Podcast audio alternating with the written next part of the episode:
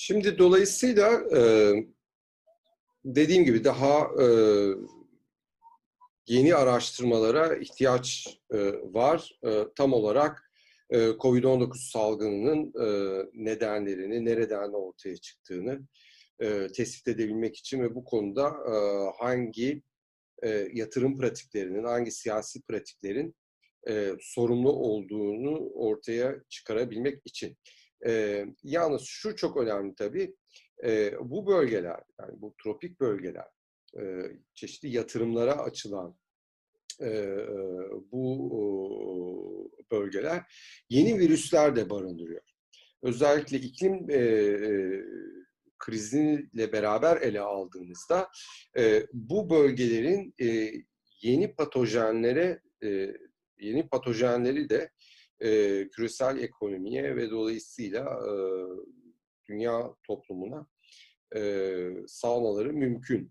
E, dolaşıma sokmaları mümkün. O bakımdan e, çok önem e, taşıdığını düşünüyorum e, bu çalışmaların. Şimdi için e, siyasi etkisine e, gelelim. Yani e, az çok e, burada belirtmeye çalıştım. E, hani burada siyaset ve ekonominin iç içe girdiği e, bir ekonomi politik sorundan bahsediyoruz. E, salgının kökeninde yatan. E, peki ne gibi etkileri olacak? E, bunu da bunu, bunu söylemek için de henüz çok erken. Yani dünya üzerindeki bütün devletler aşağı yukarı e, salgına e, iki e, araçla e, cevap veriyorlar. Bunların bir tanesi salgınla mücadele e, veya kamu sağlığı politikaları. İkincisi de e, tabii salgının e, neden olduğu e, ekonomik krizle e, mücadele. E, dolayısıyla bu her iki alanda da e, şu anda e, deneysel e, çalışmaların e, yürütüldüğü, e, hani her ülkenin kendine göre farklı bir model, kendine uygun, kendi siyasi koşullarına, e, toplumsal koşullarına, ekonomik koşullarına, kültürel koşullarına uygun e, cevaplar e, geliştirmeye çalıştığı bir dönemden geçiyoruz. O yüzden henüz bu konuda somut e, bir şey söylemek e, zor. E, ama dikkatle e, ve karşılaştırmalı bir şekilde e, gözlemlemek gerekiyor. E, şimdi bu noktada ancak tabii e, tarih e, bizim için önemli bir kaynak. Özellikle sosyal e, bilimler açısından e, geçmişte e, salgınlar, vebalar, insan toplumları üzerinde ekonomi, siyaset e, ikisinin ilişkisi üzerine nasıl etkide bulundu. Ee, burada öncü e, çalışmalardan bir tanesi şüphesiz dünya tarihçisi William McNeil'in 1976 yılında e, yayınladığı Vebalar ve Halklar e, kitabı. Burada ilginç bir tez geliştiriyor William McNeil. ta işte Afrika kıtasından insanlığın çıkışından başlayarak e, medeniyetlerin oluşumu ve gelişimiyle ilgili e, veba ve salgın e, perspektifiyle bir tez öne sürüyor. Buna göre bir kere az önce konuşmanın başında belirttiğim gibi insan topluluklarının tropik bölgelerden daha mutedil iklim e, mesai bölgelere, coğrafyalara doğru göç etmesini e, çok önemli olduğunu düşünüyorum aklımda. Özellikle medeniyetlerin ortaya çıkışında. Yani e, burada da özellikle üstünü basa basa vurguladığı tabii ki Orta, Orta e, Doğu, Mezopotamya medeniyetleri. Bu bölgelerin o dönemin tarihi koşullarında insan toplumlarının e, çoğalabilmesi e, için e, en uygun koşulları sağladığını e, öne sürüyor. E, ancak diyor her zaman insan toplumları e, iki tür parazitle e, mücadele etmek zorunda kaldılar. Bunlardan bir tanesi mikroparazitler, e, adını verdi. İşte çeşitli işte mikroplar, e, virüsler vesaire, ya çeşitli bakteriler. E, bunlar insan hayatının her zaman bir parçasıydı ve e, her şeyden önce üretimin e, ve yeniden üretimin e, bir parçasıydı. E, burada çok ilginç bir örnek var hatta yani şunu e, e, gözümüzün önüne getirmemizi söylüyor. Hani e, bütün hayatını işte e, sular içinde e, işte tarım yapmaya çalışan e, işçileri düşünün diyor veya işte çeşitli sulama kanalları e, da e, yapıp bunlara bunlarla tarım yapmaya çalışan işçileri düşünün. Bu işçiler muhtemelen gündelik hayatlarında sürekli mikroparazitlerin saldırısı altındaydı. E, ve e, bu toplulukların bir kısmının da bu salgınlar, bu parazitler sayesinde e, nüfuslarını kaybettikleri, çoğalamadıkları e, ve e, ve dolayısıyla zayıfladıklarını belirtiyor. Bunlar tabii ki hipotez yani bunların herhangi bir arkeolojik e, şeyini yapabilmek e, en azından William McNeil için mümkün değildi e, bunu doğrulayabilmek. Ancak yani bunu makul bir açıklama olduğunu e, öne sürüyor. E, ve e, burada diyor e, zayıflayan toplumlar e, bu salgınlara e, maruz kalmamış toplumlar tarafından e, ele geçirildiler yani işgal edildiler e, askeri olarak. Dolayısıyla burada da ikinci bir e, şey ortaya çıkıyor. E, parazit örneği. O da insanların oluşturduğu makro parazitler. Dolayısıyla diyor dünya tarihi boyunca e, emekçiler yani hayatın üretimi ve yeniden üretimiyle uğraşan e, insanlar iki tür parazitle başa çıkmak zorunda kaldılar. Aynı anda hem mikro parazitler hem makro parazitler. E, ve burada e, aslında ilginç bir devlet e, kuramı da e, ortaya atıyor. Yani e, toplumlar zaman içerisinde kendini dışarıdan e, gelebilecek istilalara işgallere karşı koruyacak e, kurumlara, e, hiyerarşik e, yapılara rıza e, gösterdiler e, diyor. E, buna işte belki bugünkü e, terminoloji uygun bir şekilde sürdürülebilir parazitizm e, diyebiliriz.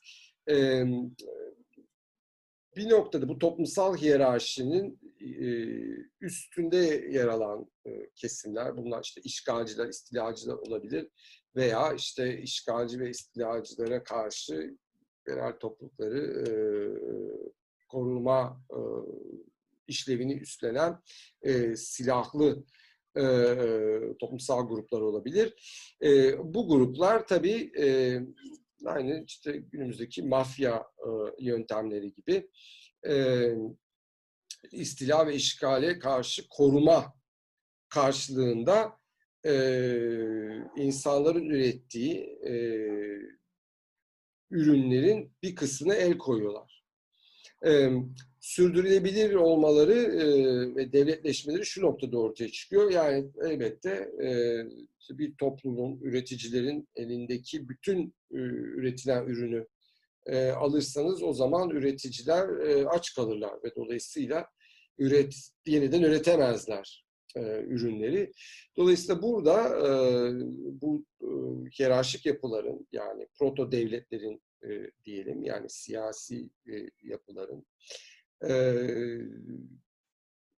üreticileri ölmeyecek ölçüde e, vergilendirmeleri e, gerekiyor. Yani bu üreticilerin e, hayatlarını devam ettirip üret, böylece üretime de devam etmelerini sağlayacak bir şekilde e, bir e, artı değer veya fazla değer e, sömürüsü e, tutturmaları gerekiyor.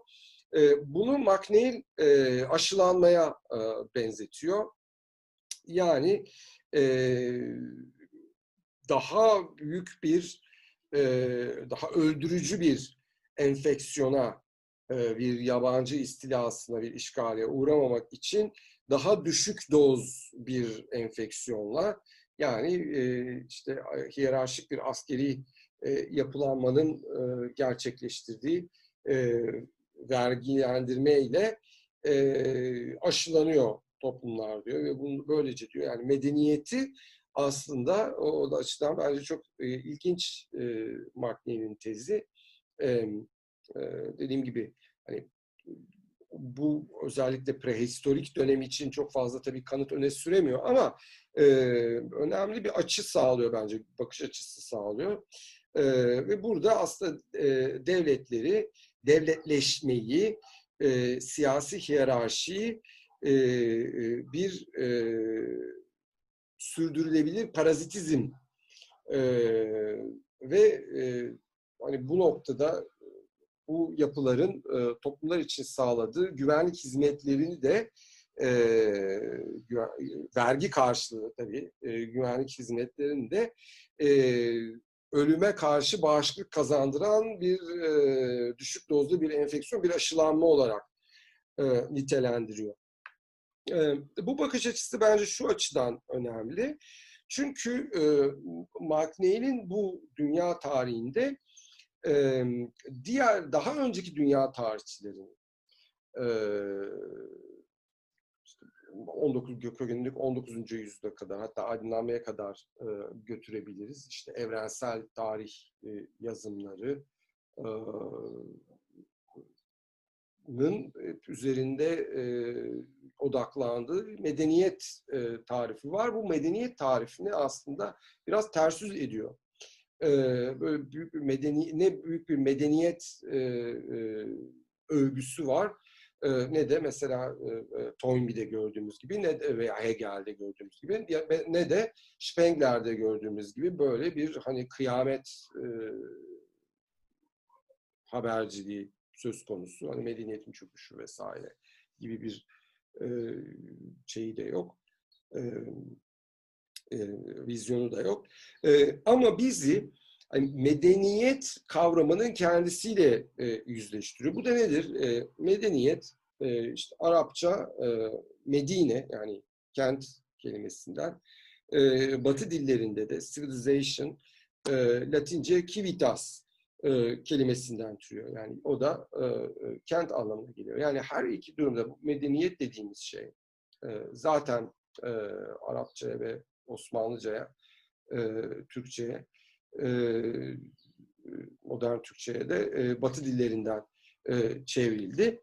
E, medeniyet e, her anla, anlamda, her şekilde e, şehir egemenliğini, şehrin kırsal üzerindeki egemenliğini ima ediyor. E, o halde e, bugün önemli olan e, soru bizim için e, dünya tarihinde ilk defa dünya nüfusunun çoğunluğunun kentlerde yaşadığı bir e, e, toplum yapısında e, bu medeniyet sürdürülebilir mi? Yani kent e, egemenliği, e, kentin kırsal e, kaynaklar üzerindeki ve kırsal e, nüfus üzerindeki egemenliği e, sürdürülebilir mi? Bence bu bu o, salgının önümüze getirdiği ama bir süreden beri de elbette özellikle demograflar tarafından, demografi çalışmaları tarafından e, e, dile getirilen e, çok önemli bir e, e, mesele. E, ve bu anlamda da biricik e, bir mesele. Yani dediğim gibi hakikaten başka her şeyini tartışabiliriz e, bu salgının. Ama e, dünyada ilk defa e, insan nüfusunun çoğunluğunun kentlerde yaşadığı e, gerçeği bu biricik bir durum teşkil ediyor. O anlamda da o anlamda da e, bugünkü bu e, küresel salgın e, tekrardan e, ve konuşmamın başındaki e, işte yatırım ve siyaset e, pratiklerine de e, gönderme yaparak söylüyorum burada. E, o bu anlamda da tekrardan e, kent yaşamını, kentli yaşamını hatta insan e, e, toplumlarının e, e, kültürünü e, bence sorgulamamız gerekiyor. En başta da tabii ki e, insan insanla ve insanın doğayla olan e, ilişkilerini Ve bunun içine tabii insan hayvanla olan ilişkileri de e, dahil.